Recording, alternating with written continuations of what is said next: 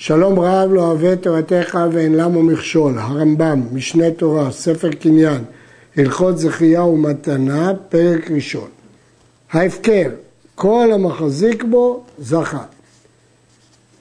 וכן המדברות והנערים הגדולים, כל שבהן הפקר, וכל שקודם בו זכה.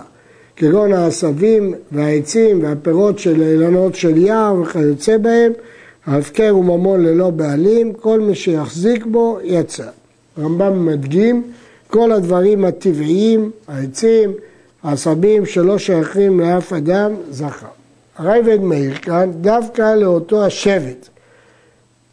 הרמב"ם בהלכות נזקי ממון כבר כתב שעשרה תנאים מתנאי יהושע ובית דינו בשעה שחלק את הארץ, שלא יפרוס קלע ויעמיד ספינה, אלא בני אותו השבט שהגיע אותו הים בחלקם.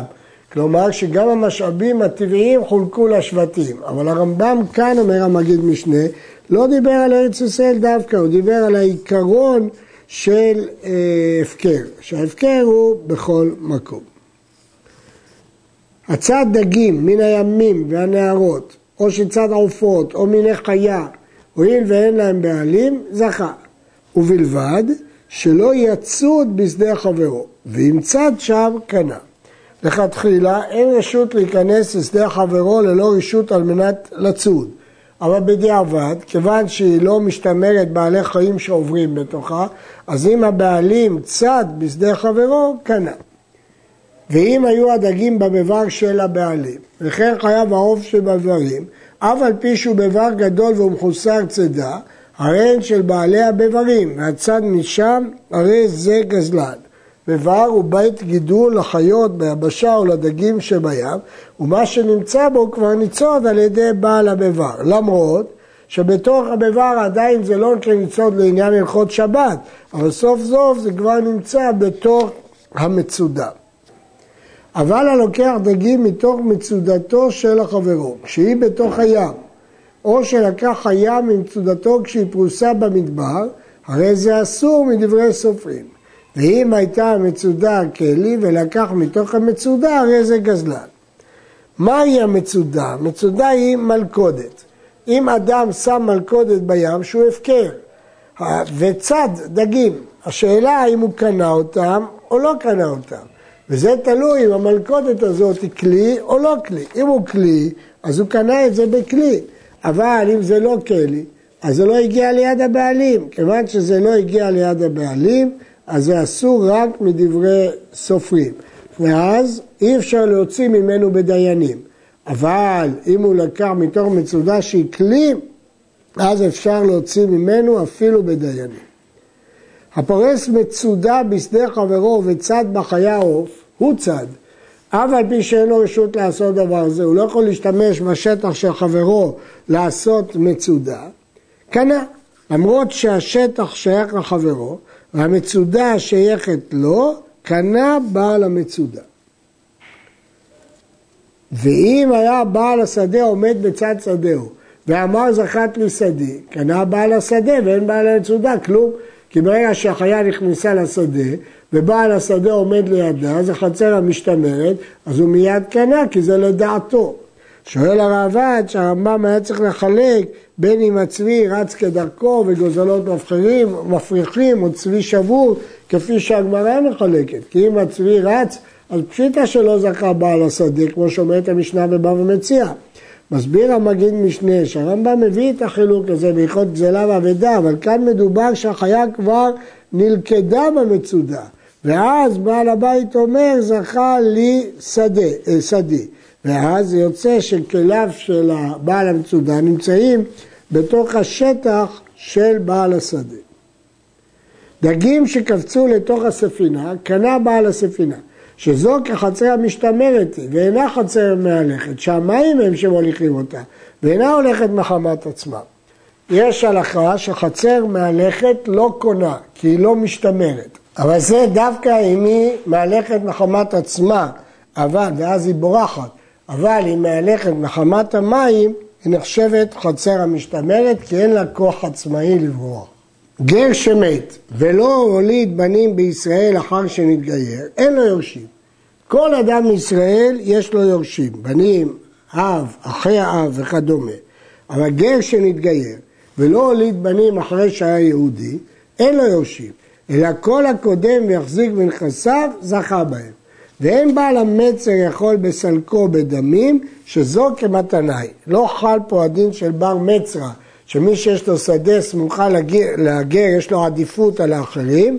מדוע? כי יש הלכה שבר מצרה זה דווקא בקנייה, לא במתנה. וכאן, זה שזכה, הוא זכה אותה במתנה, אין דין של בר מצרה. שתי שדות בנכסי הגר, ומצר אחד ביניהם, החזיק באחת מהם לקנותה, קניה, כי היא נפרדת מהשנייה. החזיק בה לקנותה אותה ואת חברתה. זו שהחזיק בה, קנה אותה, אבל חברתה לא קנה, כיוון שיש מצר ביניהם, אז אם כן הן נחשבות לשתי שדות שונות, ולכן אם הוא החזיק באחת, הוא לא קנה את השנייה, כי יש גבול בין השדות, והכוח של הקנייה שלו הוא עד הגבול. אם אדם היה קונה מחברו במצב כזה, ויש דעת מקנה להקנות לו את כל השדות, ודאי שהתורה חזקה בשדה אחת לקנות את כולם. אבל פה אין מקנה, יש גר, אנחנו לא יודעים ממי הוא קנה מההפקר, אז לכן התשובה היא שהוא קנה עד המצר בלבד. החזיק בה כדי לקנות את חברתה, לא קנה אחת מהן, לא קנה אף אחת. חברתה, מפני שלא החזיק בה. וזו מפני שלא יחזיק בה כדי לקנותה, אלא כדי לקנות את חברתה, אז ודאי שזה לא קנה. החזיק בה כדי לקנותה ולקנות את חברתה ואת המצר שביניהם, או שהחזיק בה מצר לקנות את שתיהם, הרי זה ספק. ואם בא אחר והחזיק בה כדי לקנותה, זכה אחרון ככל דין ספק, שאם מישהו החזיק לא מוציאים מידו. וכן שני בתים זה לפנים מזה, שהחזיק באחד מהם לקנותו, אם זה של גר שמת ואין לו יורשים, ולקנות את השני, לא קנה אלא זה שהחזיק בו בלבד. החזיק באחד מהם כדי לקנות את השני, אף זה שהחזיק בו לא קנה. כי את זה שהחזיק בו הוא לא התכוון לקנות, ואת זה שהוא התכוון לקנות הוא לא החזיק בו. המחזיק בשטר מנכסי הגר כדי לקנות הקרקע הכתובה באותו השטר, לא קנה אלא השטר בלבד, לצור אותו על פי צלוחיתו וכיוצא בזה.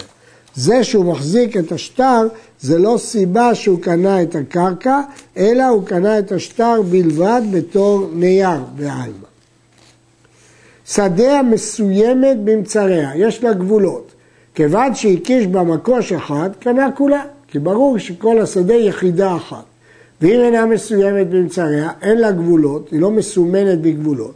קונה ממנה באותו מקוש כדי שילך הצמד בשעת חרישה ויחזור. זו היחידה הכי קטנה, כמה שהצמד יכול ללכת ולחזור דרך החורשים שהיו חורשים רק אזור אחד. והחצב שמתחמים, והמצר והחצב שמתחמים בו את התחומים, מפסיקים בנכסי הגר, וכל המחזיק בשדה לא קנה עד המצר או עד החצב. עד עכשיו דיברנו שעושים את הגבולות על ידי מצר, מצר בין שתי השדות. ואמרנו שאם הוא החזיק באחד הוא לא קנה את השנייה.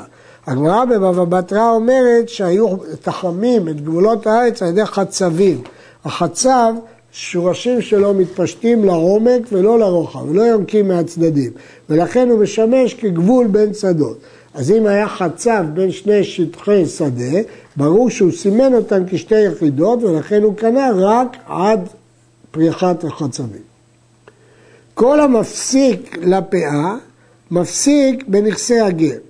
המשנה במסכת פאה פרק ב' מפרטת אילו דברים מפסיקים לפאה, כלומר שהשדה נחלקת לחלקים ומכל חלק צריך להשאיר פאה. אז גם בנכסי הגר הוא קנה רק את החלק שהוא החזיק בו. כיצד? כגון שהיה שם נחל או אמת המים, שזה חלק מהדברים שמפסיקים לפאה, וכיוצא בהם לא קנה אלא עד הנחל או עד האמה, כמו שלמדנו לגבי מצר ולגבי חצבים. וכל המפסיק רשויות שבת, מפסיק בנכסי הגר, כגון שהיו בין שתי השדות רשות היחיד או כרמלית. אפילו היה ביניהם רשות חולקת לגיטין, כמו פיסלה, איזו מצבה כזאת, שלעניין גט היא נחשבת כרשות נפרדת, מתי? כשהשאיר לה הבעל מקום בחצרו ולא ייחד, ואם הוא נפל על סלע שהוא רחוק ממנה, היא לא קנתה אותו, כי זה כאילו חלק רשות לעצמו. אז כל הדברים האלה מפסיקים גם בנכסי הגר. כל דבר המפסיק לטומאה, מפסיק בנכסי הגר. כיצד? כגון שאדם נכנס אדם לבקעה זו וטומאה בבקעה אחרת בצידה ואינו יודע אם הגיע למקום הטומאה אם לאו, כל מקום שמחזיקים אותו לטומאה הרי הוא כמקום אחד מוחלק בפני עצמו. גם ההלכה הזאת נחשבת להפסקה לעניין טומאה, זה הפסקה גם לנכסי הגר. הרייבד משיג על זה וסובר שלא כך. הגמרא אומרת רק יחס בכיוון אחד, אבל היא לא אמרה אם מה שמפסיק לשבת מפסיק גם לנכסי הגר. הגמרא אומרת שמצר שמפסיק לנכסי הגר, מפסיק גם לים פאה, שבת, טומאה וגיטין, כלומר רק לצד אחד, אבל לא לצד השני. אבל המגיד משנה כבר מסביר שהרמב"ם למד את זה מקל וחומר.